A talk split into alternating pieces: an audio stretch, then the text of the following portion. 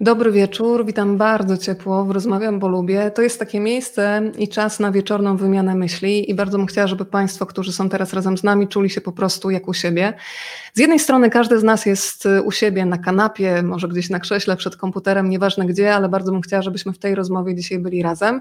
E, rozmowę z Renatą Kim można oglądać dzisiaj zarówno na profilu Rozmawiam, bo lubię, jak na, YouTube, na YouTubie, czyli też szukamy kanału Rozmawiam, bo lubię i mogą Państwo w pełni uczestniczyć w tym spotkaniu. Zachęcam do zadawania pytań, e, do tego, żeby się odezwać tutaj w okienku i powiedzieć, że jesteście razem z nami. A już teraz czas, żebym przedstawiła Renatę Kim, dziennikarkę Newsweeka, szefową działu społeczeństwo. Dzień dobry Renato, bardzo się cieszę, że mam Ciebie u siebie w domu dzisiaj.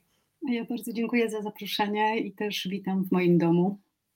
Jesteśmy w swoich domach, będziemy się tak gościć e, nawzajem. Widzę, że coraz więcej osób dołącza, już jest 18 osób i ta liczba będzie z każdym momentem e, rosnąć. O, Ania już jako pierwsza się odważyła przywitać tutaj publicznie. Dobry wieczór, Aniu. E, w centrum zainteresowania dzisiaj Twoja książka, Renato. Dlaczego nikt nie widzi, że umieram? Historia ofiar przemocy psychicznej. To jest książka, która swoją premierę będzie mieć 22 kwietnia w formie e-booka. Wydawnictwo WAB.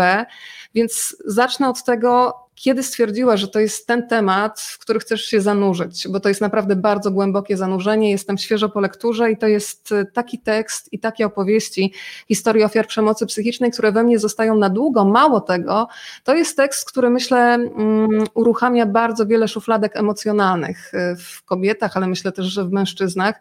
Ja sama czytając, mimo że już od wielu lat jestem w zdrowej relacji, przypominałam sobie przeróżne historie ze swojego życia, bardzo bolesne i takie wręcz zakorzenione w ciele, więc ja już wiem, że ta książka działa, ale powiedz, y, kiedy zdecydowałeś, że to jest Twój temat, który chcesz zgłębić i tak, i tak jak wspomniałam, zanurzyć się w tę opowieść? To jest bardzo mój temat, e, ale o tym, dlaczego powiem później. Natomiast pamiętam, jak pierwszy raz napisałam tekst o e, takich toksycznych relacjach. I jakoś wyjątkowo łatwo zdobywałam bohaterów do tego tekstu.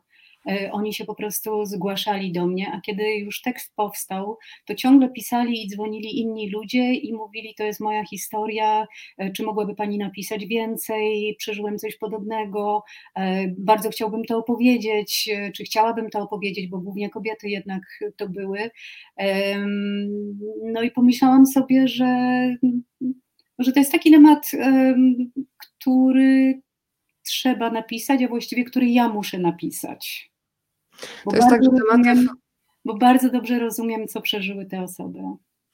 To jest tak, Renato, że czasami te tematy przychodzą i człowiek pisząc przepracowuje różne emocje w sobie, w, słuchając też bohaterów, ale powiedz mi taką rzecz, na ile, bo kiedy się zabiera człowiek za pisanie książki, to najpierw oczywiście musi zgromadzić e, bohaterów i zastanawiam się, ilu z nich zgłosiło się do ciebie samych, kiedy dowiedziało się, że pisze, e, kiedy dowiedziało się, że piszesz książkę na temat historii ofiar przemocy e, psychicznej, a ile osób znałaś i tak naprawdę musiałaś oswoić i w pewnym stopniu namówić do szczerości, do szczerości, która może dać siłę innym. To było tak, że po tym pierwszym tekście um, ludzie po prostu zaczęli się do mnie zgłaszać.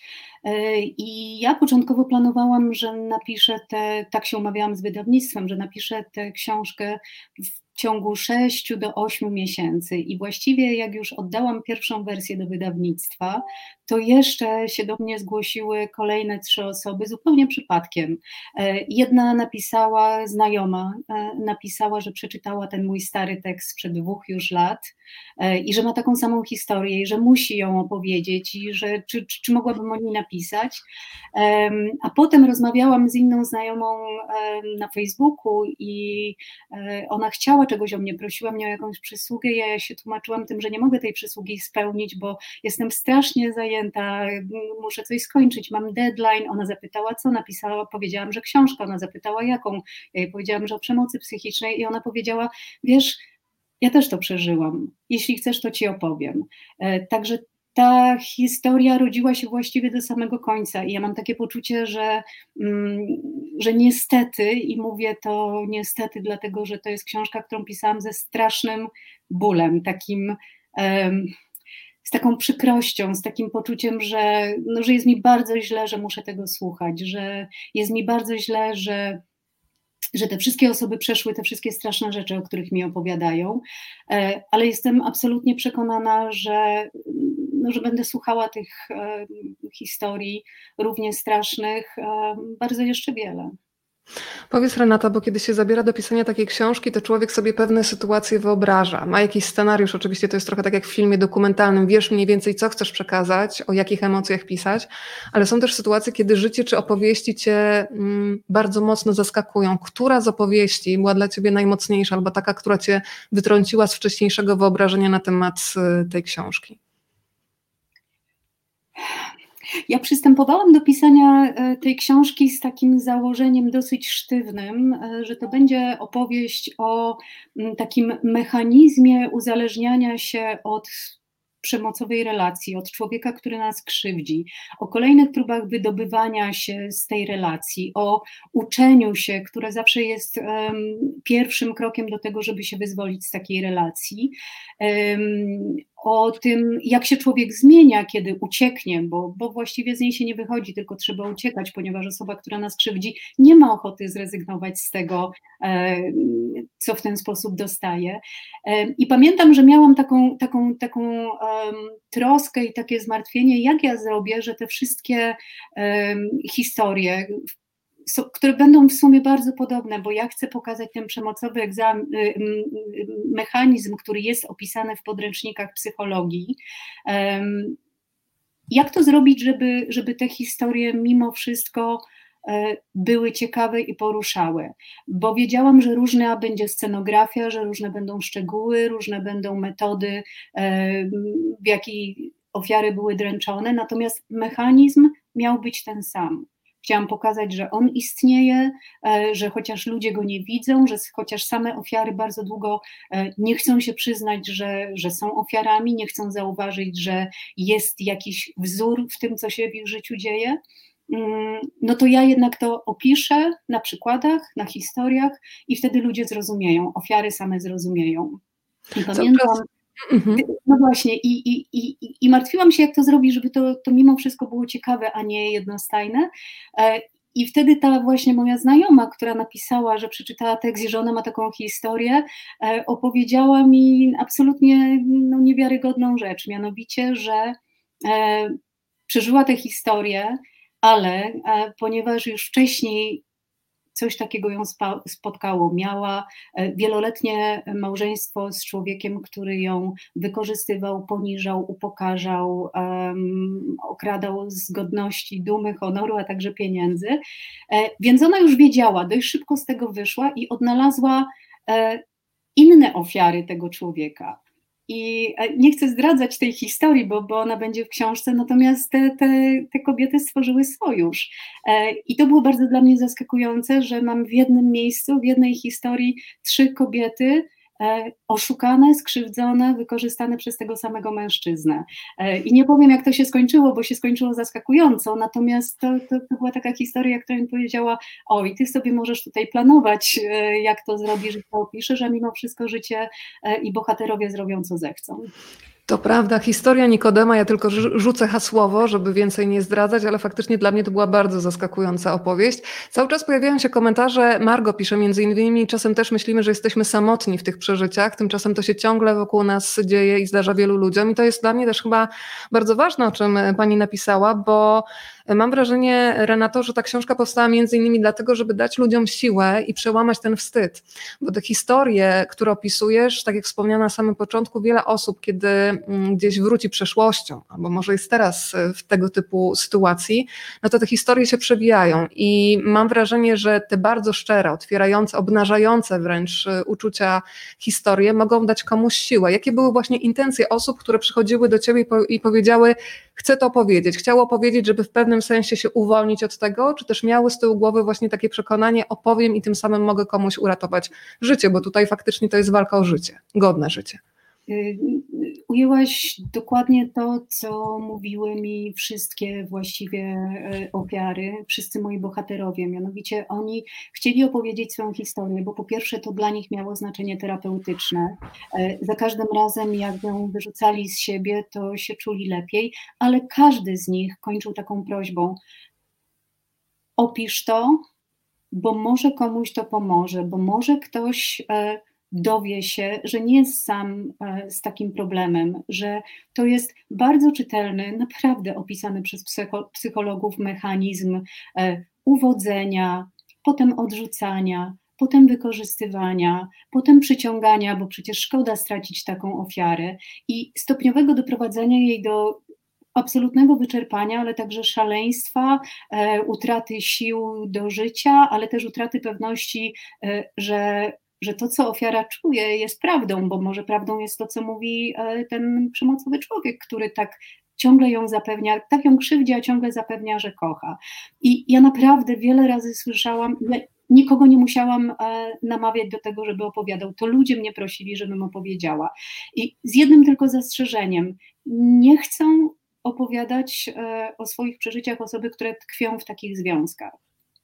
Nie, nie chcą zobaczyć, w czym tkwią, e, wciąż jeszcze szukają usprawiedliwień, wciąż jeszcze są w samym środku tego e, mechanizmu uzależnienia od przemocy, uzależnienia od tego, kto krzywdzi i nie dopuszczają nawet do siebie takiej myśli, że, że one też padły ofiarą przemocy. Nie, bo one ciągle żyją jeszcze w przekonaniu, że przecież skoro mówi, że kocha, skoro e, krzywdzi, ale potem jest lepszy i zapewnia, że będzie lepszy, no to, to może kiedyś dotrzyma tego przyrzeczenia. Tyle tylko, że on nigdy nie dotrzymuje. Renato, ja jestem po lekturze, ale tak jak wspominałam, e, premiera książki 22 kwietnia, więc pojawiają się pytania, e, czy bohaterowie tej książki, ofiary to wyłącznie kobiety? Ja odpowiedź znam, ale teraz czas na Twoją odpowiedź jako autorki książki. Nie moi bohaterowie to w większości kobiety, bo one częściej mówią i piszą o swoich przeżyciach e, i łatwiej jest do nich dotrzeć. One też bardziej szukają pomocy i bardziej szukają rozmowy, ale dwóch moich bohaterów to mężczyźni. E, jeden jest e, gejem, a drugi jest e, heteroseksualną osobą. I opowiadają dokładnie to samo, tylko z męskiej perspektywy. Mechanizm jest cały czas taki sam, krzywda jest taka sama, rozpacz, zniszczenie, emocjonalna pustka, jaką potem czują i, i, i, jak bardzo się czują zniszczeni po takim związku, jest dokładnie taka sama, jak, jak, jak wtedy, gdy przeżywają to kobiety. Powiedzmy o tym, jak rozpoznać taki związek, bo myślę, że to jest bardzo ważna część tej książki, bo myślę, że mm, dopiero z perspektywy czasu otwierają nam się oczy, kiedy dokonujemy takiego podsumowania już najczęściej po rozstaniu, że wiele było sygnałów. Ty piszesz między innymi o takim mechanizmie autookłamywania się, czyli pojawia się mm, ten nasz uwodziciel na początku, który jest szarmancki, który jest czuły, który skłania nas do wynurzeń na temat trudnych doświadczeń z dzieciństwa, co powoduje, że się otwieramy i nagle na przykład znika. Znika na przykład na tydzień i myślę, że taką sytuację każda kobieta przynajmniej raz w swoim życiu przeżyła i potem się pojawia.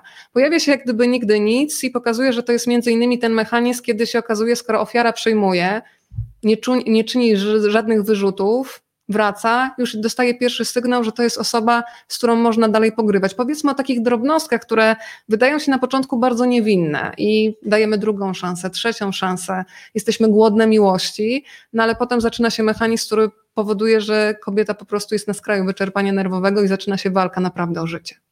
Znowu powiedziałaś coś, co jest kluczem do opisania takiej relacji, mianowicie um, ofiarami nie padają osoby um, silne, e, wierzące w siebie, pewne swojej wartości i takie, które mają w swoim życiu miłość. Ty użyłaś takiego zwrotu głodne miłości. To jest, to jest e, klucz do opisania, dlaczego wchodzimy w takie relacje.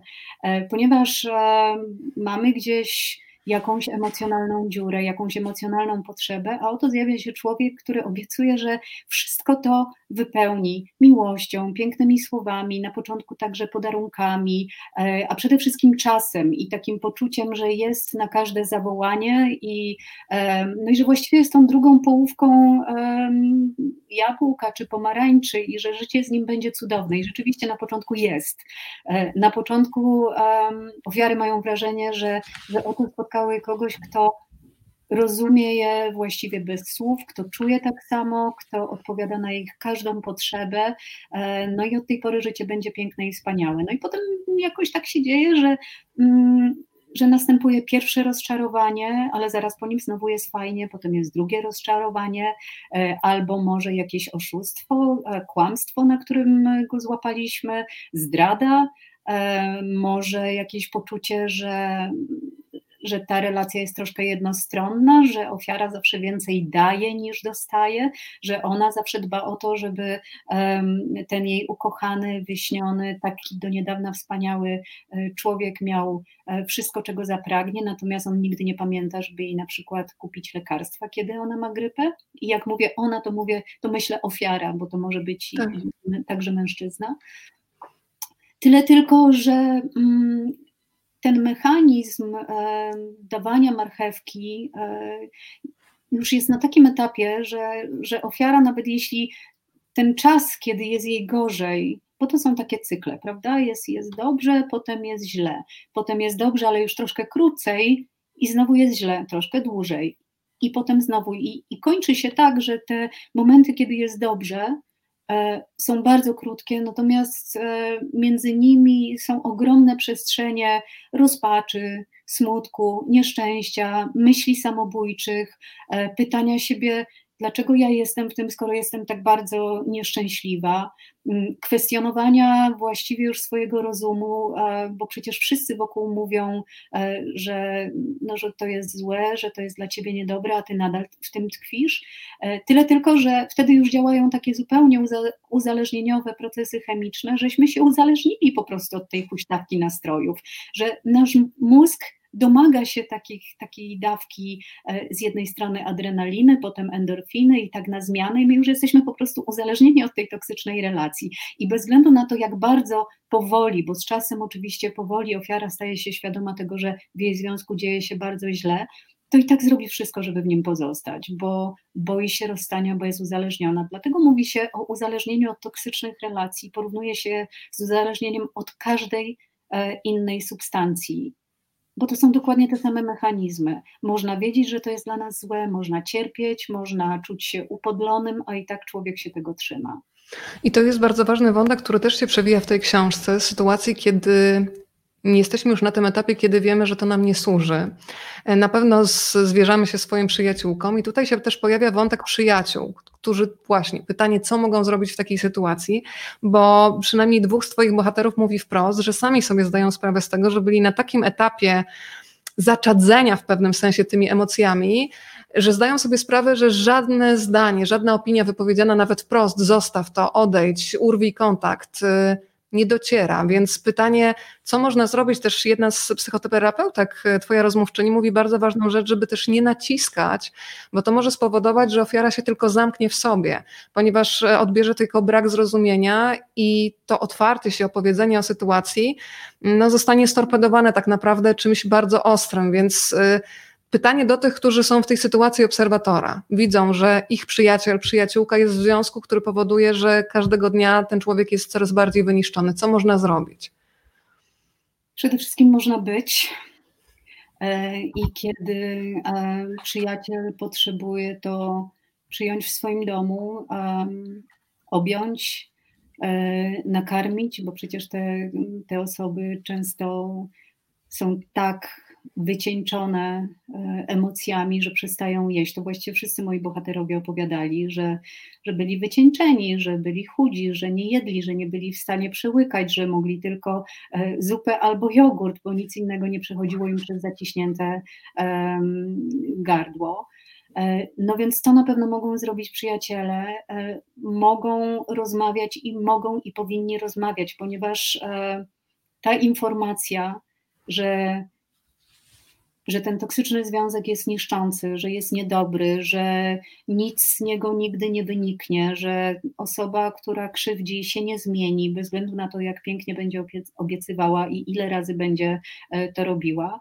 E, te informacje, mimo że wydaje się, że, że ofiara ich nie przyjmuje, to one jednak gdzieś są i powoli do niej docierają, osiadają w jej mózgu i w pewnym momencie one wyjdą. E, z głowy wyjdą, z emocji poukładają się w całość i wtedy będzie łatwiej, um, łatwiej i szybciej poradzić sobie z tym problemem, uciec z tej relacji.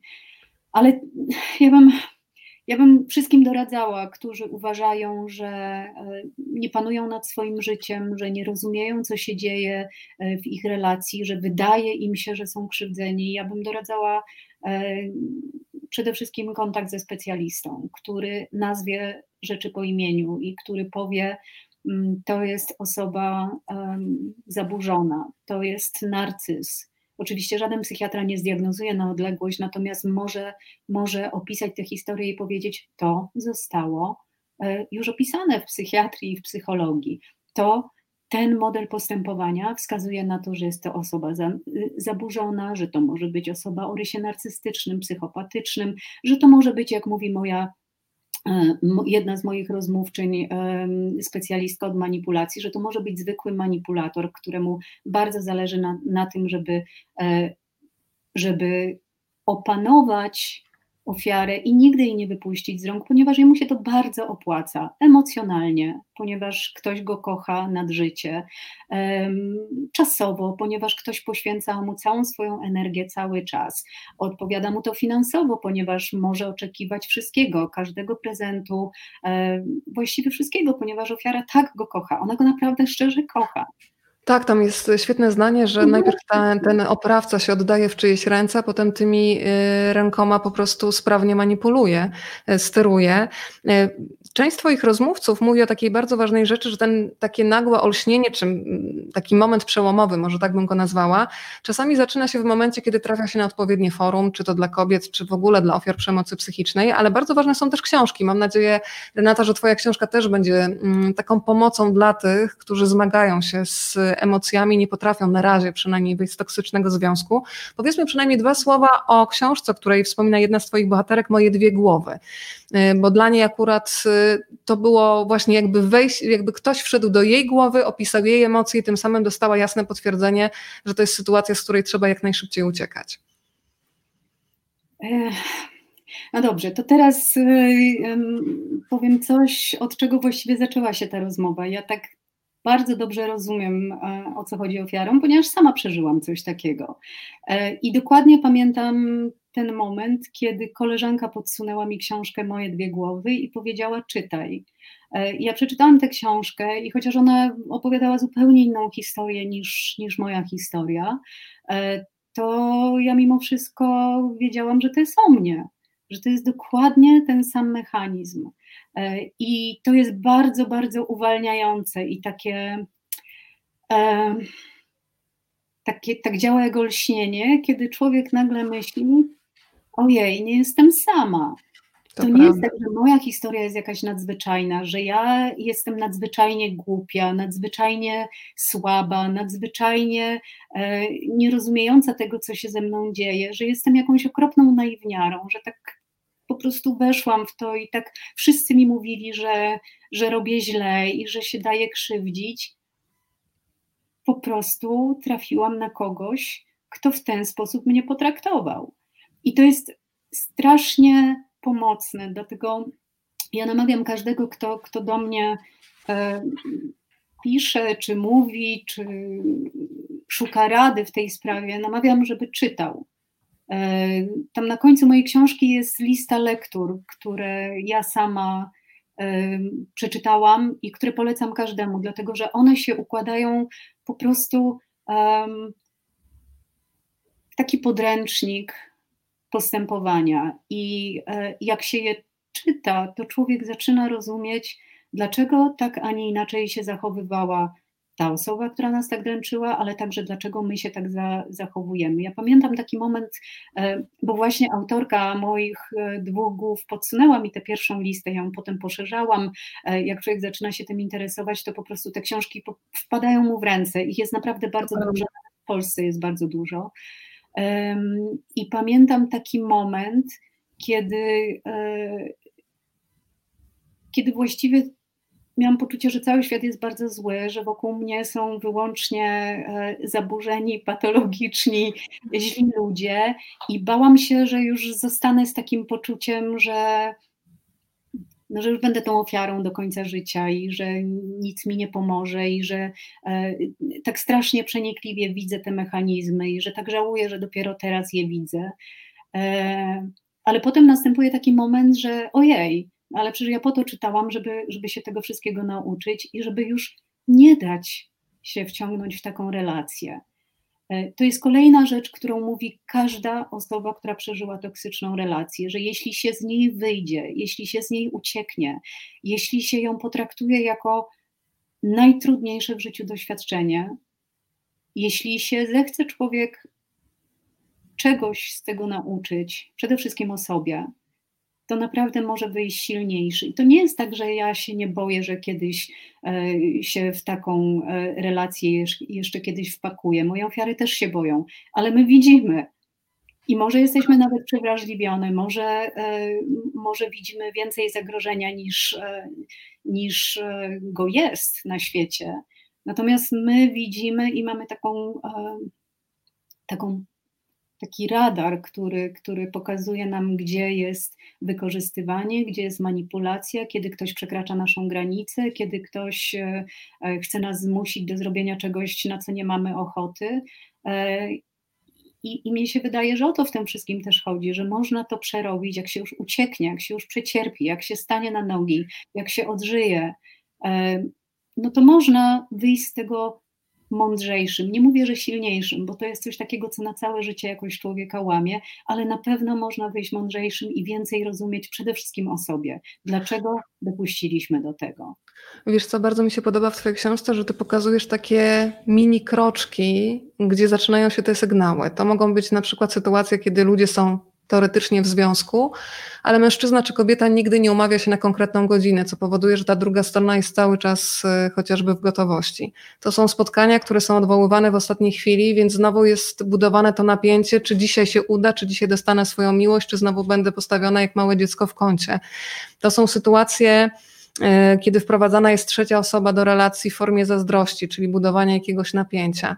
Tam jest mnóstwo takich niuansów, które tak dotykane osobno wydawałyby się niegroźne, jak na przykład, nie wiem, początek relacji, niby jesteśmy blisko, ale cały czas druga strona nie ma w sobie gotowości do zamieszkania razem i tłumaczy to w przeróżny sposób, więc e, bardzo mi się podoba to, że pokazujesz i bardzo traumatyczne historie i początki tego, do czego taka relacja może zaprowadzić. Pani Iwona pisze też coś ważnego. Czasem jest tak, że nikt wokół nie mówi nic, nie chce uwierzyć w wersję ofiary, bo sprawca manipuluje wszystkimi. To dojmujące, druzgoczące doświadczenie, które prowadzi do zwątpienia we własną percepcję.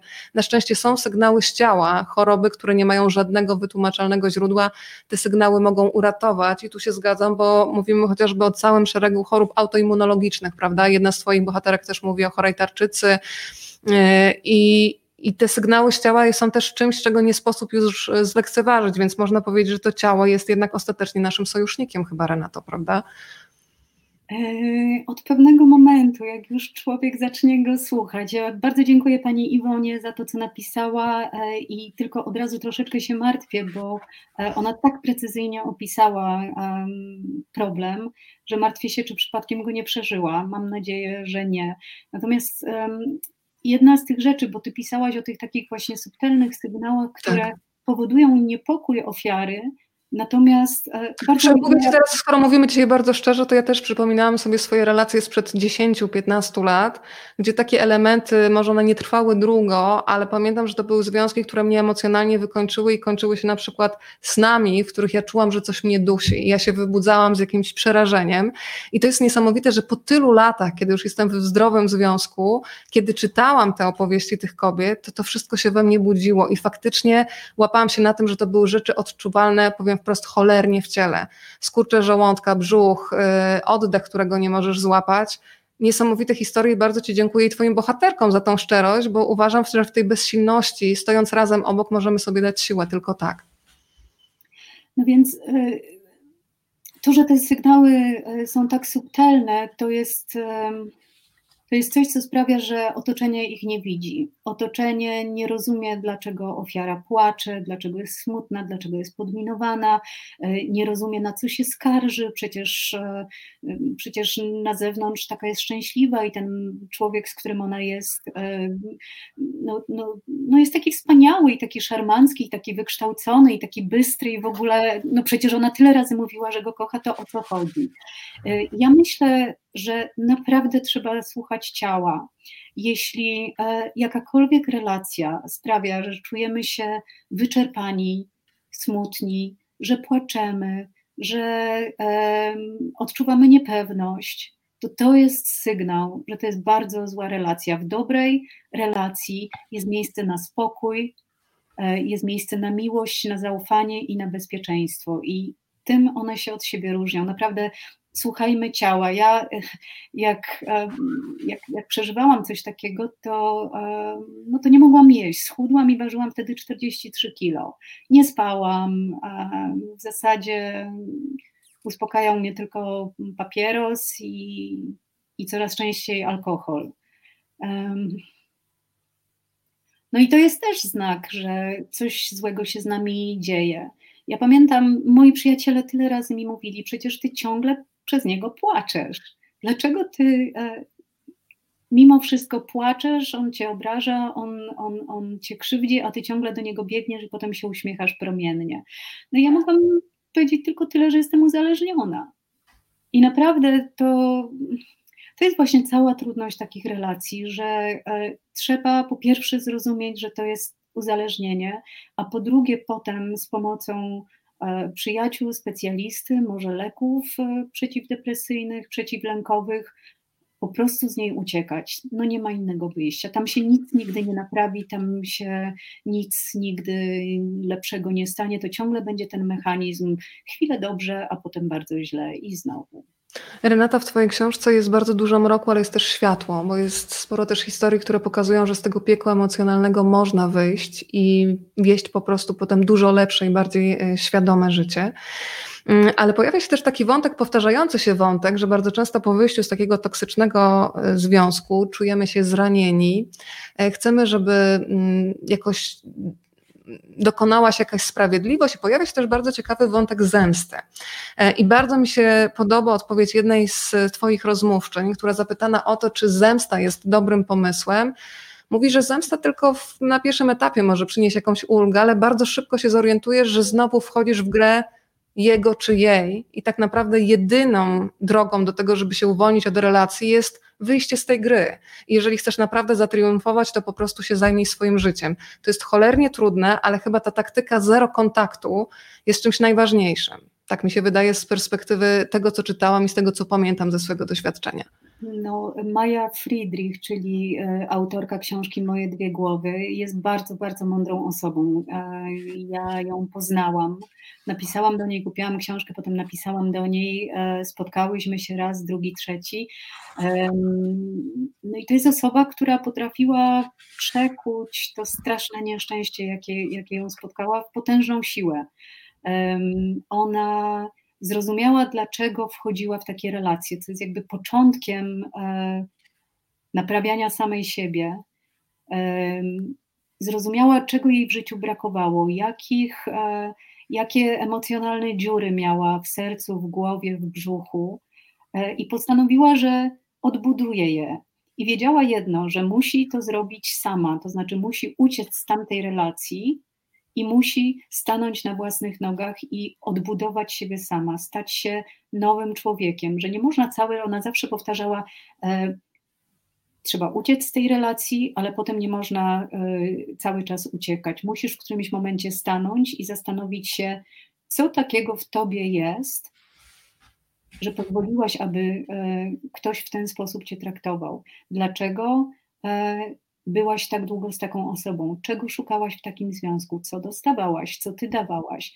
E, więc ja już, ja już trochę o tym mówiłam, ale Maja zawsze powtarza, taka relacja jest po to, żeby się nauczyć siebie, żeby zrozumieć siebie i, no i wyjść silniejszym, mądrzejszym, piękniejszym, e, bardziej świadomym, ale też bardziej otwartym na innych ludzi. Jest coś takiego, co mi się niesamowicie podoba w tych wszystkich opowieściach, mianowicie, że e, każda osoba, która coś takiego przeżyła, e, czuje jakiś taki obowiązek, żeby pomagać osobom, które jeszcze tkwią w takich relacjach.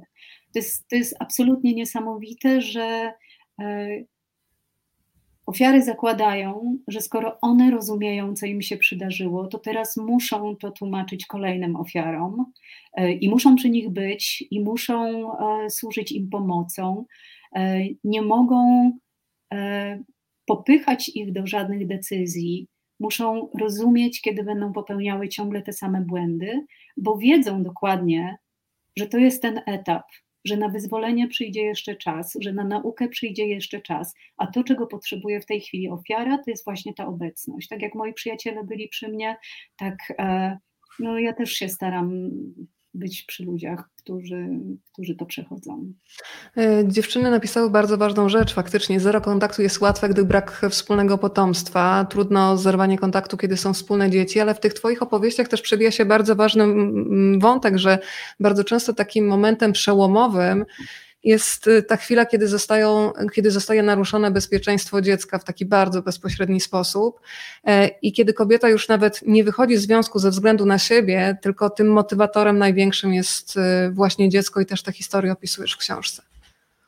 To mówią wszyscy y, eksperci, ale też jedna z moich bohaterek dokładnie wtedy się zorientowała, że, no, że musi uciekać, kiedy e, mąż dusił ją na oczach dziecka i to dziecko się śmiertelnie e, przestraszyło i,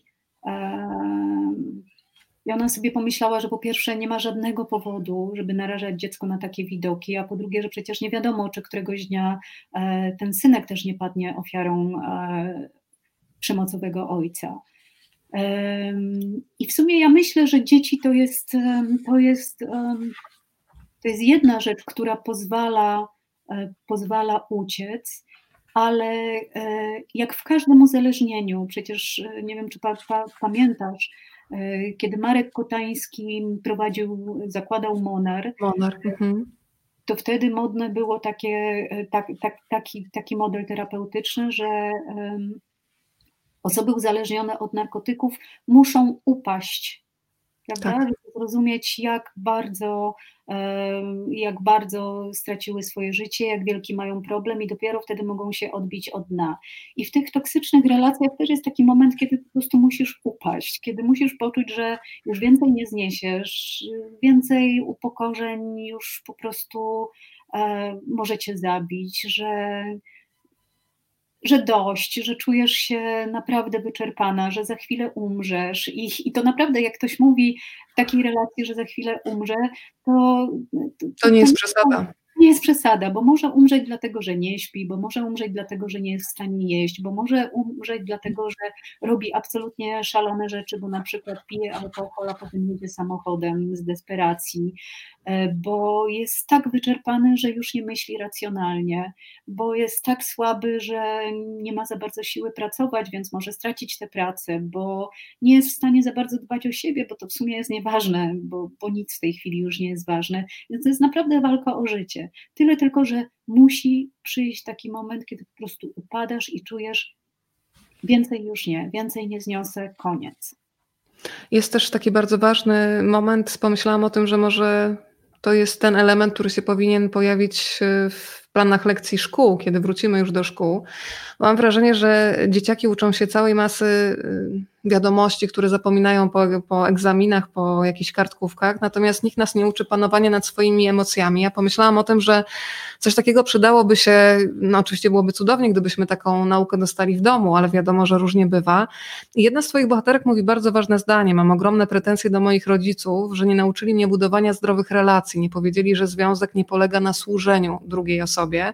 I to jest ten wątek, czy wyobrażasz sobie kiedyś taką polską szkołę, w którym jednym z przedmiotów obowiązkowych obowiązkowych jest właśnie nauka własnych emocji, nauka stawiania granic i rozpoznawania miłości, od manipulacji. E, myślę, że to są najważniejsze rzeczy, które powinny nas budować na całe życie. Myślisz, że jest w ogóle szansa, żeby kiedyś taki przedmiot mógł się pojawić? Ja bym sama chodziła z przyjemnością już jako dorosła osoba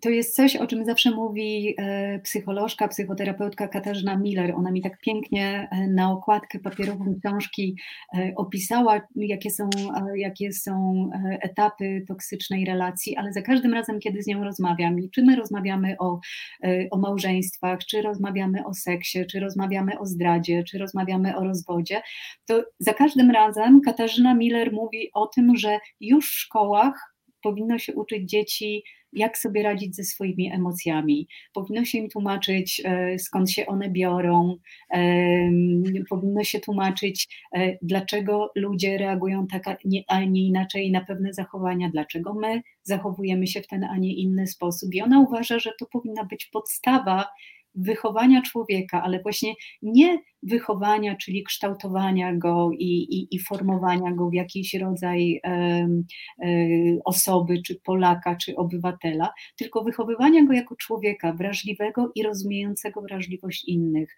e, pełnego emocji, szanującego emocje innych, umiejącego rozmawiać i wtedy naprawdę byłoby o wiele łatwiej, bo wtedy też pewnie wiele takich problemów, które, mm, które sprawiają, że człowiek staje się ofiarą, czyli właśnie brak pewności siebie, niezrozumienie tego, co jest dobrym i e, bezpiecznym związkiem, e, nierealistyczne oczekiwania wobec związku, bo e, każdy terapeuta, który, o którym opowiadałem i bohaterki i bohaterowie tych reportaży mówi, że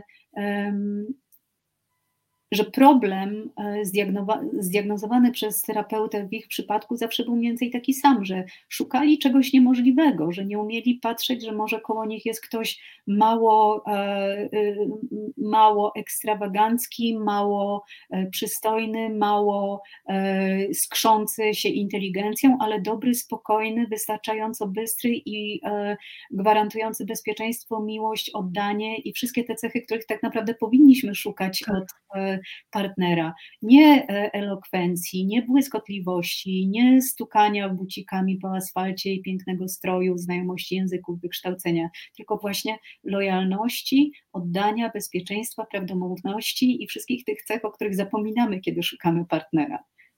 To prawda, to jest ten mechanizm, który myślę, że wiele osób doskonale zna ze swojego doświadczenia, że kiedy jesteśmy przyzwyczajeni do takiego roller coastera emocjonalnego, to człowiek, który jest stabilny, który jest dobry, który mówi to, robi to, co mówi, ja pamiętam nawet irytację początkową u siebie, że nagle ja, ja, nie muszę się starać o miłość, tylko ja ją dostaję. I nagle, kiedy weszłam w cudowny związek, pomyślałam, Boże, dziewczyna, gdybyś nie dała komuś szansy, to w ogóle straciłabyś miłość swojego życia, bo byłaś przyzwyczajona do, do chorych emocji. I to jest naprawdę coś y, przerażającego w momencie, kiedy to się odkryje, ale też bardzo otwierającego. Y, chciałam jeszcze z Tobą porozmawiać trochę o tym, co myślę, że dręczy wiele kobiet, y, mężczyzn pewnie też, ale mam wrażenie, że w ogóle jako kobiety mamy taką skłonność do rozkładania na elementy pierwsze, powiem tak kolokwialnie, do rozkminiania i do próby zrozumienia, dlaczego ktoś tak się zachował. Czy tu w sytuacji zawodowej, bo przecież też zdarzają się przeróżne sytuacje, gdzie jest wykorzystywana hierarchia i psychopatyczne zachowania też się u szefów na przykład zdarzają, czy w sytuacji prywatnej, i chcemy sobie znaleźć odpowiedź na pytanie, czy ktoś się tak zachowuje, bo nie umie inaczej, czy robi to na zimno, czy w ogóle poszukiwanie i tracenie energii na tego typu rozkminki, powiem tak kolokwialnie, ma sens. Bo tutaj też y, psychoterapeuci próbują na to odpowiedzieć, ale też chyba jasno wskazują, że cały czas tą energię przeznaczamy na osobę, od której się teoretycznie chcemy odciąć. Tak, tak. E, ja wiele razy od mojej terapeutki słyszałam, kiedy opisywałam jakąś osobę, która robiła mi przykrość albo która sprawiała, że jest mi trudno w życiu, bo oczywiście takich osób zawsze jest e, dużo. Ona mówiła e, i, i próbowałam ją przekonać, że powinnam rozmawiać z tą osobą i tłumaczyć jej, gdzie popełnia błędy i naprawiać ją i sprawiać, żeby może nie krzywdziła innych osób, to moja terapeutka i za to jej bardzo dziękuję, mówiła, po co ty tracisz czas? Zajmij się sobą. E, bo tak naprawdę najważniejsze jest, e, jak ty się zachowujesz e, wobec innych ludzi, jaka ty dla nich jesteś.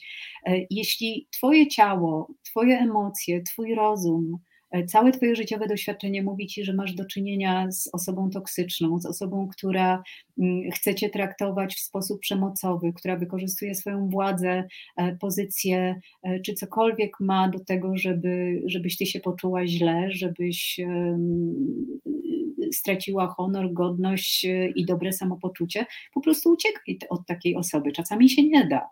Jeśli jest to osoba, z którą pracujesz, no to musisz jakoś ułożyć relacje, ale ostatnia rzecz, którą, którą należy robić i na którą tra należy tracić czas i energię, to zastanawianie się, dlaczego ona tak robi. Po prostu robi, taka jest i my jej nie zmienimy i zmieniać możemy wyłącznie siebie. E, jeden z Twoich rozmówców, pan Marcin Patronik, psycholog i psychoterapeuta, mówi, że dla bardzo wielu ofiar przemocy poczucie, że to one i tylko one go zmieniły, bywa bardzo budujące, utrwala w nich potrzebę i chęć bycia w takiej relacji. Czyli jest to taka, powiedziałabym, nieustanna misja ratunkowa i tryb działania w no, pogotowie ratunkowe, tylko że nie można mieć całe życie dobrego humoru za siebie, za niego i dźwigania czyichś problemów na plecach. E, to zdecydowanie nie. Więc teraz jeszcze powiedzmy o mężczyznach, którzy, tak jak wspomniałaś, pojawiają w tej y, Twojej książce. Mm, I tutaj jest bardzo też jasny komunikat od psychoterapeutów, że mam wrażenie, że mężczyźni mają jeszcze trudniejszą sytuację, bo y, to jest prawda, że oni nie potrafią szukać pomocy. Przede wszystkim e, im jest bardzo trudno e, przyznać się e, przed sobą, że padli ofiarą przemocy. Ten proces dochodzenia do tego, że, że to nie są jakieś problemy przypadkowe, że, że to nie chodzi wyłącznie o kłótnie, że wina nie leży tylko po ich stronie, jest u nich o wiele dłuższy niż u kobiet. Oni po prostu nie zakładają, że mogą być ofiarami przemocy. Kiedy już dopuszczą to do siebie, to pozostaje kolejny problem: jak przekonać ludzi, jak przekonać świat, że padli ofiarą przemocy. Po pierwsze, wstyd. Po drugie, nikt nie wierzy. Po trzecie, wszyscy mówią, weź ty się ogarnij i po prostu rozwiąż to, jesteś facetem, czy nie jesteś facetem. Takie proste rozwiązanie, prawda? Jesteś facetem, to pozbądź się mm, problemów. Mhm. I to wszystko sprawia, że im jest o wiele trudniej uwolnić się z takiej relacji. Jeden z moich bohaterów opowiadał, że dorobił się całego zestawu e, problemów e, fizycznych i psychicznych, miał objawy psychosomatyczne, miesiącami chorował na coś, co się nazywa tężyczka, czyli takie odruchowe drapanie się po całym ciele. Albo też skurcz mięśni na przykład. To też jest bardzo często też tężyczka się objawia skurczem krtani, co jest przerażające, bo nawet człowiek nie może oddychać nagle. I on y, też zrozumiał, że jest ofiarą przemocy dopiero wtedy, jak zaczął czytać literaturę fachową. Dopiero wtedy na tych, na, w, tych, w tych książkach, w tych podręcznikach psychiatrii y, zobaczył, że przecież nie jest wyjątkowym przypadkiem, że coś takiego zostało opisane, że zostało nazwane. Y, on opowiada mi, że w jego ręce trafiła książka pod tytułem Amor Zero hiszpańskiego autora, co można przetłumaczyć jako, jako zero miłości, bez miłości. I ta książka rzeczywiście, on mi ją przysłał, ponieważ przetłumaczył ją tak na, na własny użytek, żeby, żeby się nauczyć, próbował ją wydać, może jeszcze to się uda. Ta książka rzeczywiście krok po kroku opowiada o wszystkich tych relacjach, o których ja wcześniej pisałam. No to jest cały czas ten sam y, mechanizm. Uwodzenie, odtrącenie, przyciąganie, wykorzystywanie, próba ucieczki, znowu wykorzystywanie, e, kolejna próba ucieczki do wyczerpania i wreszcie udaje się odejść. Ty nawet, Renata, piszesz, że są specjalne pojęcia w psychologii jak ghosting czy hoovering, czyli takie zasysanie jak odkurzacz, czyli, ale zasysanie na nowo do relacji, nie po to, żeby coś w niej naprawić, tylko żeby znowu wykorzystywać, czyli takie stwarzanie pozorów, że znowu będzie ten miodowy miesiąc, ale zaraz chwilę potem znowu będzie kolejne uderzenie. Bardzo dziękuję Państwu też za szczerość, bo Państwo się dzielą swoimi emocjami. Agata pisze, podzielę się swoim doświadczeniem, gdzie modliłam się, by wtedy jeszcze mąż podniósł na mnie rękę bo byłoby mi łatwiej wyjść z domu i mieć jakiś dowód, ale był na to za sprytny. Nigdy nawet nie podniósł głosu, za to zmieniał jego brzmienie i podsłuchiwał, potem komentował wszystko, czego się dowiedział. Na policji usłyszałam, że nic nie zdziałam, a prawnik na hasło przemoc psychiczna poprosił o kolejny powód rozwodu.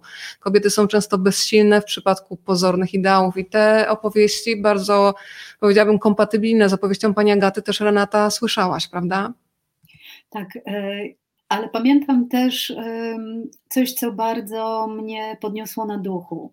E, I to znowu kolejny przypadek, bo książka już była właściwie gotowa. Już e, mhm. robiłam ostatnie poprawki i pojechałam na Marsz Równości do Katowic, a tam spotkałam moich cudownych przyjaciół. Oboje są prawnikami, oboje działają na rzecz praw człowieka i wracaliśmy już z tego marszu i oni mnie strasznie namawiali, żebym pojechała do nich do domu w Mikołowie, żebym została na noc, wrócę następnego dnia i mówiłam, że nie, nie mogę, bo jestem strasznie zajęta, strasznie zajęta, a czym ty jesteś tak zajęta? No piszę książkę, a nie mówiłaś, że piszesz książkę, a o czym ta książka?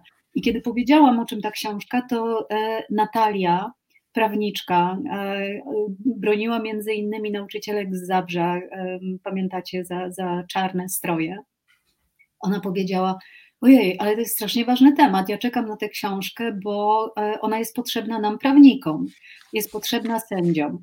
E, I w ten sposób Natalia stała się jedną z ekspertek w mojej książce e, i mówi bardzo fajną i pocieszającą rzecz, mianowicie, że coraz więcej adwokatów, coraz więcej prawników, ale także coraz więcej sędziów wie, że coś takiego jak przemoc psychiczna istnieje.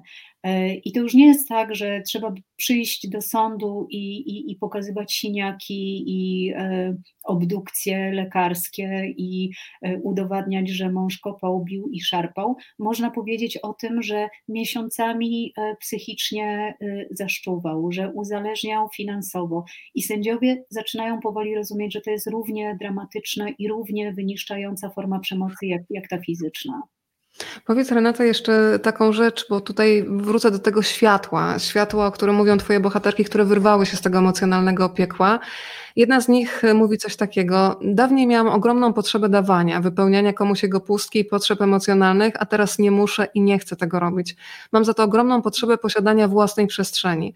Jeśli ktokolwiek próbuje się ode mnie uzależnić albo jakoś mnie zawłaszczyć, natychmiast stawiam silny opór. I to jest piękne zdanie. Nauczyłam się ufać samej sobie, odbudowałam poczucie własnej wartości. Czy możesz powiedzieć z własnego doświadczenia, ile cię kosztowało czasu? Bo my też mam wrażenie, że kiedy już się udaje odciąć, to bardzo często jest taki motyw, że oczekujemy takiego efektu, że już jesteśmy wolne i kiedy czujemy nadal, że, że nawet rejestrujemy, i to mówi wiele bohaterek Twoich książki, rejestrujemy w sobie taki rodzaj wstydu, że tęsknimy za tym człowiekiem, tęsknimy tak naprawdę za jakąś wyidealizowaną i tym samym nieprawdziwą wersją, za tą wersją luks, którą znamy z pierwszych tygodni, miesięcy znajomości. Więc ile czasu to zajmuje, żeby dać sobie czas na to, na to zbudowanie własnej wartości, na zbudowanie granic i na powrót do siebie, zaufanie do samej siebie? Ja myślę, że nie ma e, mm, jednej ramy czasowej i że u każdego to inaczej wygląda.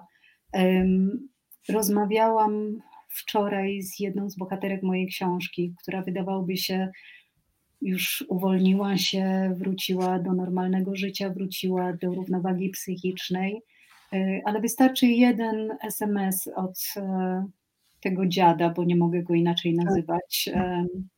I ona jest znowu cała w dygocie i znowu się zastanawia, co, co by mogło być, dlaczego poszło nie tak. Znowu jest cała zraniona, znowu jest wepchnięta w otchłań rozpaczy e, i wcale nie jest od niego wolna. Więc to naprawdę bardzo długo trwa. Psychologowie i wszyscy, którzy przeżyli taką relację, przestrzegają, żeby nie triumfować, żeby nie uważać, że e, jesteśmy bezpieczni, żeby nie e, lekceważyć zagrożenia, e, tylko jedyne, co naprawdę nas chroni, to jest zero kontaktu z osobą, która zrobiła nam taką krzywdę. To jest jedyna bezpieczna metoda, i dopiero lata później, kiedy już będziemy silni, bezpieczni, pewni siebie i swoich racji, nie szukający desperacko miłości, nie próbujący e, zaklejać sobie emocjonalnych dziur w głowie i w brzuchu i w sercu. Dopiero wtedy możemy stanąć naprzeciwko takiej osoby i powiedzieć spokojnie dzień dobry albo odwrócić się i nie mówić. E, a dopóki to nie nastąpi, to ciągle jeszcze, bo wspomniałaś o tej zemście. Tak. To mi się zdarza fantazjować o zemście. To jest naturalne, chyba ludzkie po prostu. To skupię się wydaje, się, wydaje się, że to by przyniosło ulgę, skoro się widzi, że on sobie chodzi bezpiecznie po świecie i że może poluje na kogoś znowu. To może jakbym się zemściła, to mi by było lżej. Tyle tylko, że wiem, żeby mi nie było lżej. Jest też taka potrzeba, o której mówią bohaterowie Twojej książki, żeby przeprosił, żeby zrozumiał, żeby napisał chociaż list, żeby to było coś w rodzaju takiego zadośćuczynienia czasami za lata, naście, pięć, sześć lub kilkanaście lat trwania w takim przemocowym związku. Co mówią twoi goście, mówię o psychologach i psychoterapeutach. Czy takie oczekiwanie jest czymś, co jest do zaspokojenia? Bo mówimy tutaj o psychopatach, o ludziach z osobowością narcystyczną, o klasycznych manipulatorach taka potrzeba, żeby ktoś nas przeprosił, e, ale tak szczerze, z całego serca, nie po to, żeby e, załagodzić sytuację, nie po to, żeby e, znowu do siebie przyciągnąć, nie po to, żeby znowu jakoś wykorzystać i mieć z tego zysk czy, czy, czy, czy jakąś korzyść, tylko żeby tak z całego serca wynagrodzić krzywdę, jest bardzo ludzka.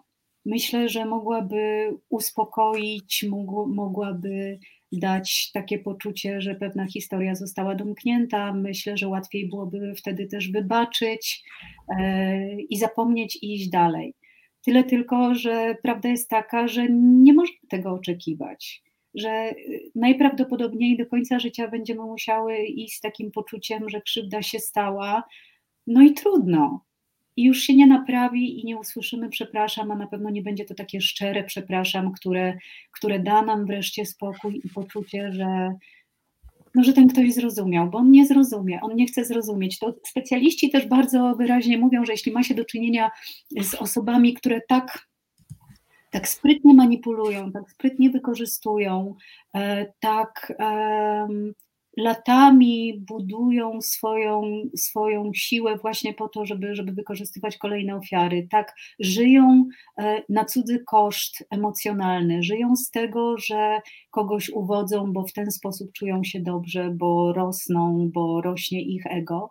E, to nie można od tych osób oczekiwać zwykłych ludzkich uczuć. Po pierwsze, dlatego, że one zrobią wszystko, żeby nie dopuścić do siebie myśli, że kogoś krzywdziły. Znajdą tysiące usprawiedliwień dla siebie, przerzucą winę na ofiarę, powiedzą, że była głupia w najlepszej, e, w najlepszej e, sytuacji. I zupełnie tak po ludzku, no nikt nie lubi się czuć winny. Przyznanie się do winy, przyznanie się do tego, że się kogoś metodycznie, świadomie czy nieświadomie niszczyło, że się go wykorzystywało, że się go zdradzało, upokarzało, e, że to trwało latami i przynosiło korzyści, no to jest strasznie trudna rzecz, prawda? Myślę, że y, jakby przyznanie się do takiej przykrej i brudnej prawdy o sobie jest, jest, jest, jest bardzo trudne. A dla wielu wręcz niemożliwe, prawda? A, a, dla osób, które no, są totalnymi egocentrykami, mają rys narcystyczny, psychopatyczny, jest po prostu niemożliwe, więc nie możemy tego oczekiwać. No bardzo żałuję, ja bym chciała, ja bym chciała tak domknąć tę historię i, pewnie stąd się biorą czasem te fantazje o zemście, których nie zrealizuję. No i jedyne, co mogę zrobić, to liczyć na to, że czas, e, czas leczy rany. Właśnie a propos czasu, pamiętam, e, bo mówiłam już o tym, że osoby, które wyszły z tej relacji, e, zawsze pomagają tym, które są w niej.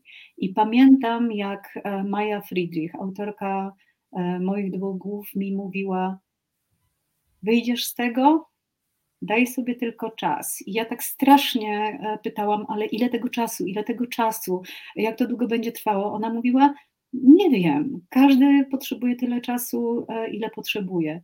Natomiast pewne jest, że czas leczy rany. I ja mogę powiedzieć, i zawsze to powtarzam wszystkim osobom, które w tej chwili cierpią, które w tej chwili e, się szamoczą, które w tej chwili próbują e, wyrwać się z takiej relacji. Daj sobie czas. To minie. Mam takie ulubione e, powiedzenie, którego się od e, Seweryna Blumsteina nauczyłam, że wszystko mija, nawet najdłuższa żmija. Ja to powtarzam moim, moim znajomym bohaterkom, moim bohaterom, że wszystko mija. Minie także ta relacja, minie ból, zbudujesz nowe życie, będzie pięknie, będzie wesoło, a ty będziesz lepsza, silniejsza, czy lepszy, silniejszy niż kiedykolwiek byłeś. Zdaję sobie sprawę, Renata, że jest z nami wiele osób. Niektórzy komentują i są jakby obecni tutaj w taki namacalny sposób, ale też jest wiele osób, które słucha i być może teraz jest w takiej sytuacji. E, wiem, że pod Twoim postem zapowiadającym to dzisiejsze spotkanie odezwała się pani prawniczka, która zadeklarowała pomoc, konkretną pomoc dla osób, które być może są już na tym etapie, że podjęły decyzję, ale kompletnie nie wiedzą, jak rozegrać sprawę na przykład małżeństwa, alimentów dla dzieci, bo często to uwiązanie, nie ukrywajmy, też jest połączone po prostu z ekonomią, że bardzo ciężko wyrwać się ze związku w momencie, kiedy nie mamy żadnej alternatywy. E, myślę o wynajęciu mieszkania, myślę o zapewnieniu mu po prostu bytu, więc powiedzmy też o tej pomocy, która być może komuś teraz po drugiej stronie faktycznie jest potrzebna. No ja bardzo e, się ucieszyłam, jak zobaczyłam, że znajoma z Facebooka, e, pani Grażyna Oszkiel, napisała, że pomoże pro bono każdej osobie, która będzie chciała się wyrwać z takiej relacji. E, potem przeszłyśmy już na prywatną rozmowę i ona opowiadała, że prowadzi wiele takich spraw, że w ogóle teraz w czasie epidemii koronawirusa takich spraw jest mnóstwo. Powiedziała, że to, co ją zaskakuje, to to, że właśnie wielu mężczyzn opowiada o tym, że są ofiarami przemocy psychicznej. E, no i ja trzymam panią Grażnę za, za słowo, że rzeczywiście jeśli, jeśli ktoś będzie potrzebował pomocy, to się może zgłosić. Może się zgłosić przeze mnie, ja przekieruję, ale też może pod tym postem bezpośrednio do, e, do pani mecenas napisać. I no, no jestem cholernie wdzięczna, mogę tylko to powiedzieć, bo, no bo osoby w przemocowych związkach potrzebują kogoś, kto im pomoże, potrzebuje kogoś, kto e, najpierw nazwie e, problem, a potem pomoże z tego problemu się wyplątać i będzie cały czas przy niej i będzie mówił: To ty masz rację, nie jesteś wariatką, nikt niech ci nie wmawia, że wina jest po twojej stronie, ty zostałaś skrzywdzona, a ja ci pomogę e, z tego uciec.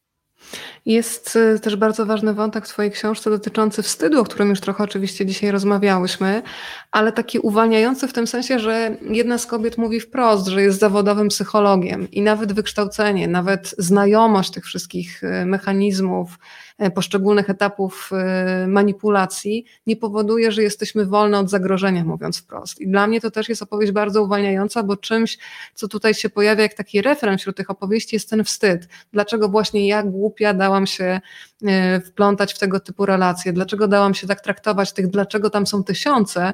Więc myślę, że taka opowieść też zawodowej pani psycholog, która mówi, że też stała się ofiarą, ofiarą przemocy psychicznej, może być czymś, co paradoksalnie dla tym ludziom czytającym siłę. Mam nadzieję, że tak jest, dlatego że osoby, które e, tkwią w takich związkach, wstydzą się podwójnie. E, jeśli już rozumieją, co się z nimi dzieje, e, to się wstydzą, że są w takim związku, ale wstydzą się jeszcze bardziej, że rozumieją i nadal w nim tkwią. I to jest podwójne obciążenie, dlatego że wydawałoby się, że jak coś zrozumiesz, to, no to jest po prostu błyskawiczne rozwiązanie, hej, siup, zrywam, uciekam i, e, i jestem wolna. Ale cały czas powtarzam i, i mam nadzieję, że to jakoś e, wynika z mojej książki, że toksyczna relacja jest uzależnieniem. I dlatego tak trudne jest wyrwanie się z niej, że tam mało jest racjonalnych decyzji, że nawet jeśli ta racjonalna część e, naszej głowy doskonale wie, co powinna zrobić, i przecież są ci nasi przyjaciele, którzy mówią, co powinniśmy zrobić, i są nasi terapeuci, są nasi psychiatrzy, są nasi mądrzy rodzice, są wszyscy ci, którzy patrzą na to z boku i wiedzą, i my też to wiemy w pewnym momencie. Już nie możemy się oszukiwać a mimo wszystko tkwimy w tej relacji, to to jest straszny wstyd i straszne obciążenie. I e, ofiary bardzo e, nakładają na, na, na siebie ten ciężar i bardzo się obwiniają, że są takie słabe, takie niemądre. Mm. No ale ja mogę też tylko powiedzieć, i to jest doświadczenie wszystkich bohaterów, którym się udało uwolnić, e, że, no, że jak już się uwolnią, jak już zdobędą się na tę siłę, jak już upadną, a potem wstaną, to naprawdę będą mądrzejsze i, e, i jest spora szansa na to, że już nigdy się w taką relację nie wpakują. Bardzo ważne zdanie jeszcze od e, pani Ani. Nie jesteśmy wolne, bo chcemy pomagać, ratować. Empatia nas gubi, ale tutaj mam odpowiedź w postaci słów jednej z twoich bohater, z bohaterek, która wyszła z toksycznej relacji i powiedziała świetnie, że jestem samowystarczalna i nie biorę odpowiedzialności za cudze życie, co nie znaczy, że nie pomagam ale jest ogromna różnica pomiędzy pomaganiem a byciem wykorzystywanym. Nie straciłam empatii, ale nie daje się nikomu używać. To jest coś, co sobie też zapisuję i wyrzucam do kieszeni, bo to się przydaje i w relacjach prywatnych, i w relacjach zawodowych. Czyli ten, ten moment, kiedy trzeba sobie powiedzieć stop, żeby nie brać odpowiedzialności za kogoś, tylko faktycznie zająć się swoim życiem. Niby proste, ale bardzo trudne do zrealizowania. Ale e, to jest coś, e, co mówią wszystkie ofiary przemocy psychicznej, że e, dlatego padły ofiarą tej przemocy, że ten, który im to wszystko zrobił, bardzo szybko wyczuł, że one są całe nastawione na to, żeby dawać, że nie zbudowały sobie nigdy takiego zdrowego mechanizmu, że dbają najpierw o siebie, a dopiero potem o cały świat, że u podstaw ich życia, istnienia, myślenia o sobie, o swoim miejscu w świecie jest taka właśnie gotowość do tego, żeby wszystkim pomagać. I tak się zapominają w tym pomaganiu, i tak biorą odpowiedzialność za tę drugą osobę, że zapominają o sobie. I to jest podstawowy błąd. Przemocowiec, zwłaszcza ten przemocowiec, manipulator, psychopata, socjopata, narcyz, jakkolwiek go nazwiemy, on doskonale wyczuwa, że oto trafią na taką ofiarę, która po prostu odda mu wszystko. Odda mu serce, odda mu majątek, odda mu swoje emocje, czas, wszystko, bo to zbuduje ją samą, to, to jej samej pozwoli się poczuć ważną, a przede wszystkim potrzebną. Ofiary przemocy psychicznej to są bardzo często osoby, które mm, mają niską samoocenę, nie wierzą w siebie i budują swoje poczucie wartości właśnie na tym, jakie są dla innych ludzi. Czy są, pomagają e, i jak są oceniane przez otoczenie. I to, to jest problem. Tutaj mam fragmenty oczywiście Twojej książki, Dlaczego nikt nie widzi, że umieram historię ofiar przemocy psychicznej. Jedna z bohaterek mówi, odnosząc się do tego, co przed chwilą powiedziałaś wprost, nie chcę wypuścić mnie z rąk, bo jestem mu bardzo przydatna. Zakochana, gotowa rzucić wszystko, gdy tylko zawoła. Płacąca za jego rachunki w kawiarniach, odwożąca go do domu z drugiego końca miasta, zawsze gotowa pocieszyć, gdy wpadał w te swoje doły i trzeba go było z nich wyciągać. Godzinami zapewniać, że jest piękny, bystry i zdobędzie każdy szczyt. Z czasem to się stało moim głównym zadaniem i celem sprawić, żeby był silny. Nie wiedziałam, że kiedy już urośnie w siłę, wykorzystają przeciwko mnie i że, i że z każdym dniem będę słabnąć. E, to powiedzmy jeszcze o jednym takim pojęciu, które się pojawia i też jest bardzo ważne, podwójna wiktymizacja. E, gdzieś już tam się w tej rozmowie mm, przewija, ale myślę, że to też jest bardzo ważny wątek, żeby tutaj dzisiaj też na głos wybrzmiał. Podwórny, podwójna wiktymizacja to jest e, absolutnie straszna rzecz. E, bo um, może zacznę od wytłumaczenia, co to jest. Ofiara czuje się skrzywdzona, opowiada o tym komuś, komu ufa, kto patrzy na jej związek z boku, kto wydaje się osobą życzliwą, um, serdeczną, empatyczną, ale kiedy opowiada mu o swoich e, problemach w tym związku, słyszy, ale o co ci chodzi? Albo przecież sama tego chciałaś, a dlaczego nie odejdziesz? Albo ty histeryzujesz, wymyślasz, przecież nic tak poważnego się nie dzieje, a właściwie dlaczego ty się na to zgadzasz? I wtedy ta ofiara, oprócz krzywdy realnej, e, którą, której doznaje i którą czuje, e, czuje się jeszcze niezrozumiana, a nawet oskarżona przez całe otoczenie. E, więc jakby jest podwójnie obciążona tym, że dzieje się coś bardzo złego i, i, i znikąd pomocy, a nawet znikąd zrozumienia. To jest straszne poczucie e, i to wszystkie ofiary mówią, e, że jesteś sam, i desperacko próbujesz przekonać świat, że coś złego się dzieje w Twoim życiu, ale tak właściwie to nikt y, nie bardzo chce Ci wierzyć, że rozumieją tylko najbliżsi Twoi przyjaciele, bo, no bo widzą, w jakim jesteś strasznym stanie, bo widzisz, jaka jesteś wyczerpana czy wyczerpany, bo zajmują się Tobą, bo Cię karmią, bo biorą Cię do siebie do domu, jak masz ataki paniki. Mm, natomiast cały, cały świat pozostały myśli sobie, no głupia zakochała się, prawda, i, i, i sobie nie radzi w tej relacji, albo pozwala się wykorzystywać, ale no to znaczy, że głupia. I to jest bardzo obciążające, bo to nie jest wcale tak, że te ofiary chcą być wykorzystywane. Nie, one chcą kochać, chcą dawać, chcą się opiekować, tyle tylko, że trafiły na wyjątkowego skurwysyna, przepraszam. Trzeba nazwać sprawę po imieniu. Korzystać i tyle. I to powiedz... ofiary, ofiary bardzo, bardzo cierpią z tego powodu, że, że, że nikt nie widzi e, tego, co im jest robione. Bardzo podoba mi się ten wątek, że ci oprawcy w pewnym sensie, jeżeli mogę powiedzieć, że pomagają, ale w momencie tego już, kiedy dojrzymy, kiedy już zauważymy, że jesteśmy w relacji toksycznej, jedna z Twoich bohaterek mówi bardzo ważną rzecz, że są takimi detonatorami, e, nie, nie przytaczam tutaj do, dokładnie, ale tego, co w nas wyje, czyli zaczynamy rozumieć, dlaczego poddałyśmy się takiej, a nie innej narracji, to wracamy do tego, że to był głód miłości najczęściej. Ale jest jeszcze jeden bardzo ważny wątek, o którym dzisiaj nie mówiłyśmy, czyli dzieciństwo. I twoje bohaterki opowiadają o przeróżnych schematach rodzinnych. Jest tam opowieść o ojcu marynarzu, który kiedy wracał był agresywny i ta dziewczyna już w zasadzie od małej dziewczynki była takim radarem emocjonalnym, który się dopasowywał do reakcji ojca. Żyła przez całe lata z współuzależnioną matką i chyba to dzieciństwo też jest takim elementem, który powoduje, że dużo łatwiej w trudną relację wejść albo później z niej po prostu wyjść, bo nie znamy tych swoich granic i jesteśmy przyzwyczajeni do pewnych schematów. No każdy, każdy psychoterapeuta powie, że dzieciństwo to jest coś, co e, w największym stopniu nas określa, kształtuje i e, przygotowuje pod przyszłe relacje. Jeśli e, dziecko pochodzi z domu, w którym ojciec pił i bił, to dla niego będzie to dość naturalna sytuacja, że jakiś rodzaj przemocy e, pojawi się w jej e, przyszłym życiu.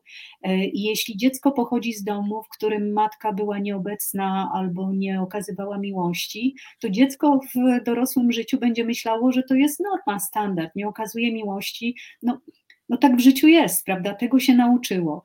E, jeśli dziecko było wychowywane w domu, w którym panował wieczny chaos i e, z każdej strony można się było spodziewać zagrożenia, to uzna, że taka jest e, norma dla wszystkich ludzi. Dlatego takie osoby, które mają trudne dzieciństwo, dzieciństwo, w którym zabrakło bezpieczeństwa, zabrakło e, spokoju, zabrakło e, takiego poczucia, że można na rodzicach polegać, że oni nie zrobią żadnej krzywdy, że są przewidywalni, e, że zawsze będą, kiedy potrzeba, że mówią kocham, że kochają, że przytulają, że rozmawiają.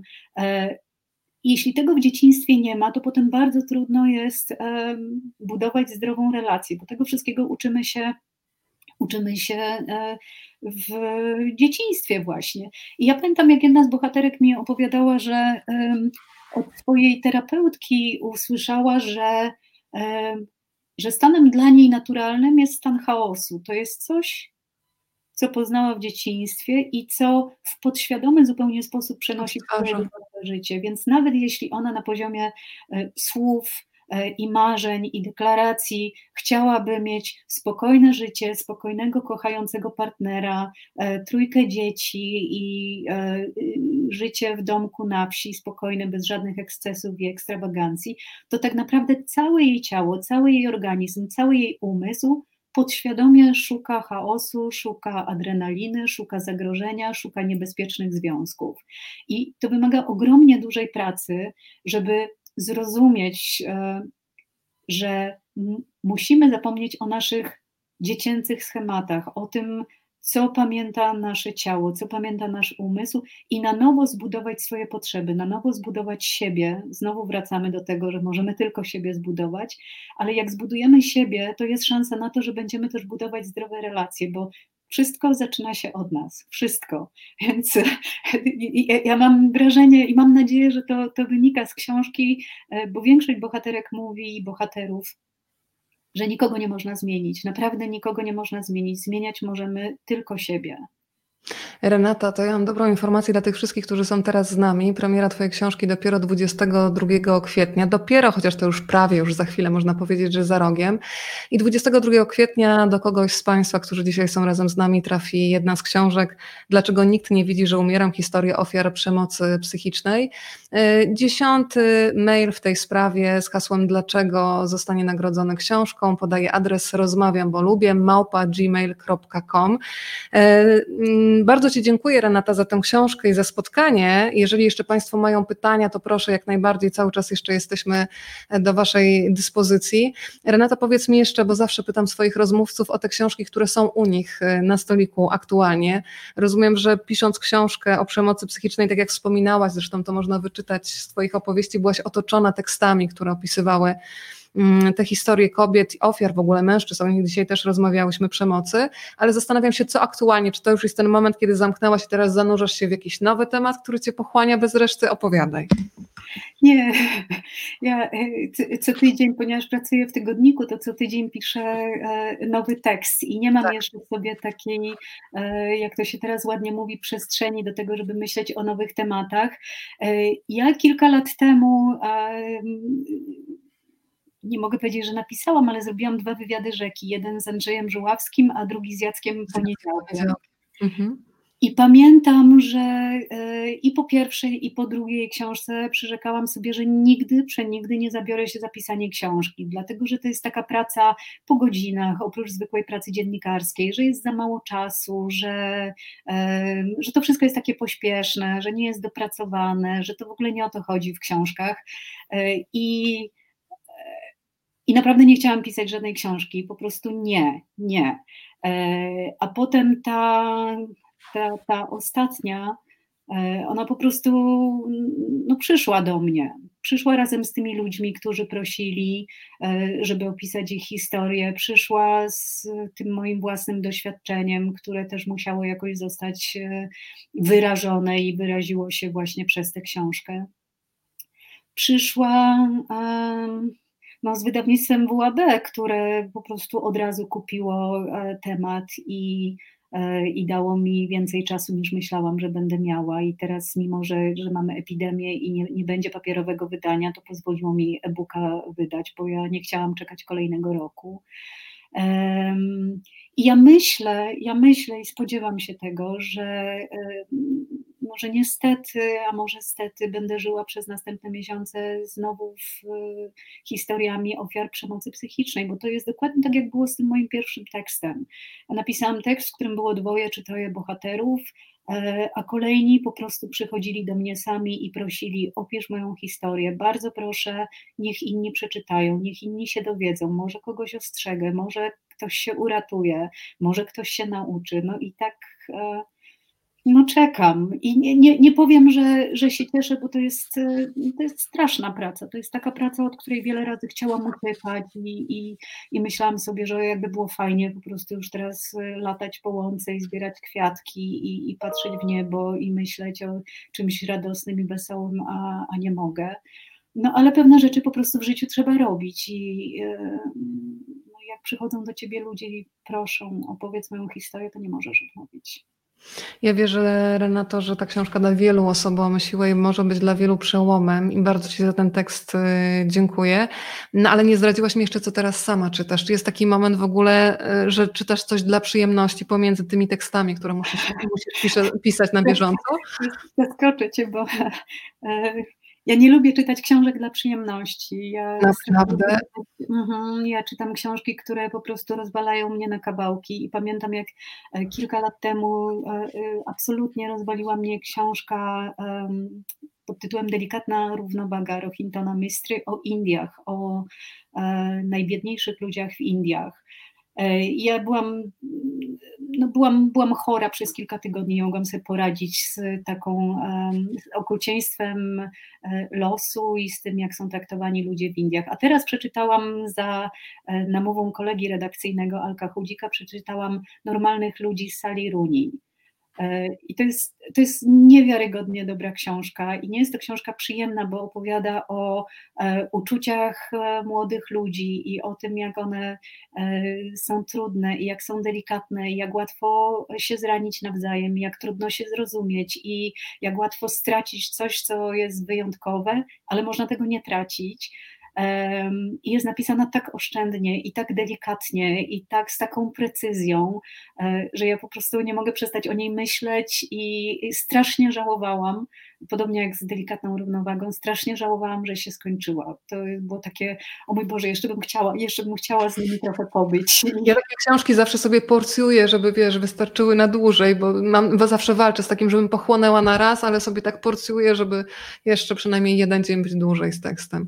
Bardzo Państwu polecam i to chyba też jest wydawnictwo WAB, o, o ile tak, ja dobrze tak. kojarzę, ale jest to po prostu absolutnie niesamowita książka, która tak precyzyjnie opisuje uczucia ludzkie i tak rozumie, dlaczego postępują tak, a nie inaczej, że, no, że chciałabym w ten sposób umieć pisać. Ale niestety jestem tylko reporterką i nie umiem wymyślać historii, więc.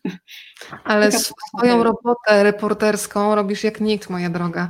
To jeszcze skończę takim e, ostrzeżeniem, żeby uważać na tą klasyczną grę w przyciąganie i odpychanie, bo jak mówią twoi rozmówcy, to jest jeden z najskuteczniejszych mechanizmów manipulacji. Bardzo bardzo silnie wiążący. Ta huśtawka nadziei, rozczarowania, która jest oparta, jak to się naukowo mówi, na takim mechanizmie nieregularnych wzmocnień. I na początku tych dobrych momentów, tych głasków od tego partnera czy partnerki jest bardzo dużo, ale kiedy człowiek się zaczyna przyzwyczajać, to nagle i gwałtownie te proporcje się zaczynają zmniejszać. Renata, na finał już teraz naprawdę pytanie. Kiedy kończysz taką książkę, która kosztuje ci na pewno, zdaję sobie z tego sprawę, nie tylko wiele pracy takiej czysto rzemieślniczej, mm, myślę o pisaniu, ale też emocjonalnej, bo rozmowa z człowiekiem, który cierpi, powoduje, że człowiek empatyczny, którym bez wątpienia jesteś, przejmuje też częściowo jego emocje. Jak sobie resetujesz głowę? Czy bieganie jest nadal aktualne? Ja pamiętam z podziwem, jak oglądałam ciebie na maratonie w Tokio, w ogóle Mistrzostwo Świata, jak można podejść do takiego wykonania, dobiec na metę w fantastycznym stylu, więc zastanawiam się, czy bieganie, co cię teraz resetuje, tak żeby zrzucić to, co złe i biec w kierunku tego światła? Teraz mamy epidemię, więc biegam po no kryjomu. Tak. biegam e, rankami po skarpie urstynowskiej, ale biegam rzeczywiście bieganie. Um, pisarze też często opisują e, ten stan e, oderwania od problemów, kiedy, kiedy się biegnie, kiedy człowiek myśli wyłącznie o tym, że że to bieganie wcale nie jest przyjemne, że męczy, że brakuje oddechu, że właściwie chciałoby się usiąść na ławce i jednak patrzeć na, na, e, na niebo e, albo na trawę, ale jednak jest w bieganiu coś takiego, co sprawia, że e, nie ma problemów, one nas nie dotyczą, bo walczymy wyłącznie... Ucieka się przed nimi. Tak. Wiesz, to właśnie chyba nie ucieka, one się rozpływają. One, mhm. one po prostu nie masz, ponieważ e, musisz biec i musisz skądś znaleźć na to siłę i, i taką gotowość do tego, żeby biec, to po prostu nie, nie możesz tracić energii na to, żeby, żeby myśleć i, i, i rozkminiać problemy. Ja uprawiam też taekwondo i to jest wspaniały sport e, olimpijski, ponieważ on polega na tym, że się kopie przeciwnika i my bardzo często kopiemy packi i ja wtedy e, sobie wyobrażam różne osoby, które, które nie mogę w życiu kopnąć, nie chcę kopnąć, natomiast wyładowuję energię na tych packach. I to jest wspaniały, piękny sport, który uczy z kolei um, panowania nad swoim ciałem, samodyscypliny, e, poddania się zasadom i regułom oraz takiej jednej naczelnej e, zasadzie, że trzeba ćwiczyć i powtarzać dane ruchy, ponieważ za tysięcznym razem, za razem numer 10115 ten ruch będzie bliski perfekcji, ale nigdy nie będzie perfekcyjny, w związku z tym jeszcze trzeba próbować i jeszcze trzeba ćwiczyć. I to jest wspaniałe w tym sporcie, że nigdy nie osiąga się perfekcji, tylko się do niej dąży. Tak jak w życiu świetne jest to, że się przewracamy nie raz, ale otrzypujemy kolana i jednak idziemy dalej. Renata, bardzo Ci dziękuję za ten wspólny wieczór, za to, że byłaś w tylu domach dzisiaj jednocześnie. E, wysyłam moc dobrych myśli do tych wszystkich, którzy być może teraz są na takim etapie przełomu i zmagają się z bardzo trudną sytuacją. Mam nadzieję, Renata, że Twoja książka będzie pomocą, bo oprócz mroku, o którym opowiadałyśmy, tam też jest bardzo dużo światła. Dlaczego nikt nie widzi, że umieram? Historię ofiar przemocy psychicznej 22 kwietnia w formie e-booka książka książkę Renaty Kim będzie można znaleźć. Życzę Ci dobrej nocy i bardzo, bardzo z całego serca Ci dziękuję za spotkanie. Ja bardzo dziękuję za zaproszenie. Jestem naprawdę wdzięczna. Bardzo dziękuję. Ja zapraszam też na jutro. Jutro będziemy w Chamonix, połączymy się z Beatą Sadowską i trochę porozmawiamy o takim domu, który jest rozpostarty pomiędzy Warszawą a Alpami, trochę o dobrym oddechu i trochę też o takich stanach, kiedy człowiek mentalnie może zamachać ogonem, a myślę, że dzisiaj tego uśmiechu też i dobrej energii nam potrzeba, więc jutro też zapraszam o 21.30. Dzisiaj bardzo dziękuję i pozdrawiam Renatę Kim. Przypominam, premiera jej książki 22 kwietnia. Dzięki wielkie Renato. Dziękuję bardzo.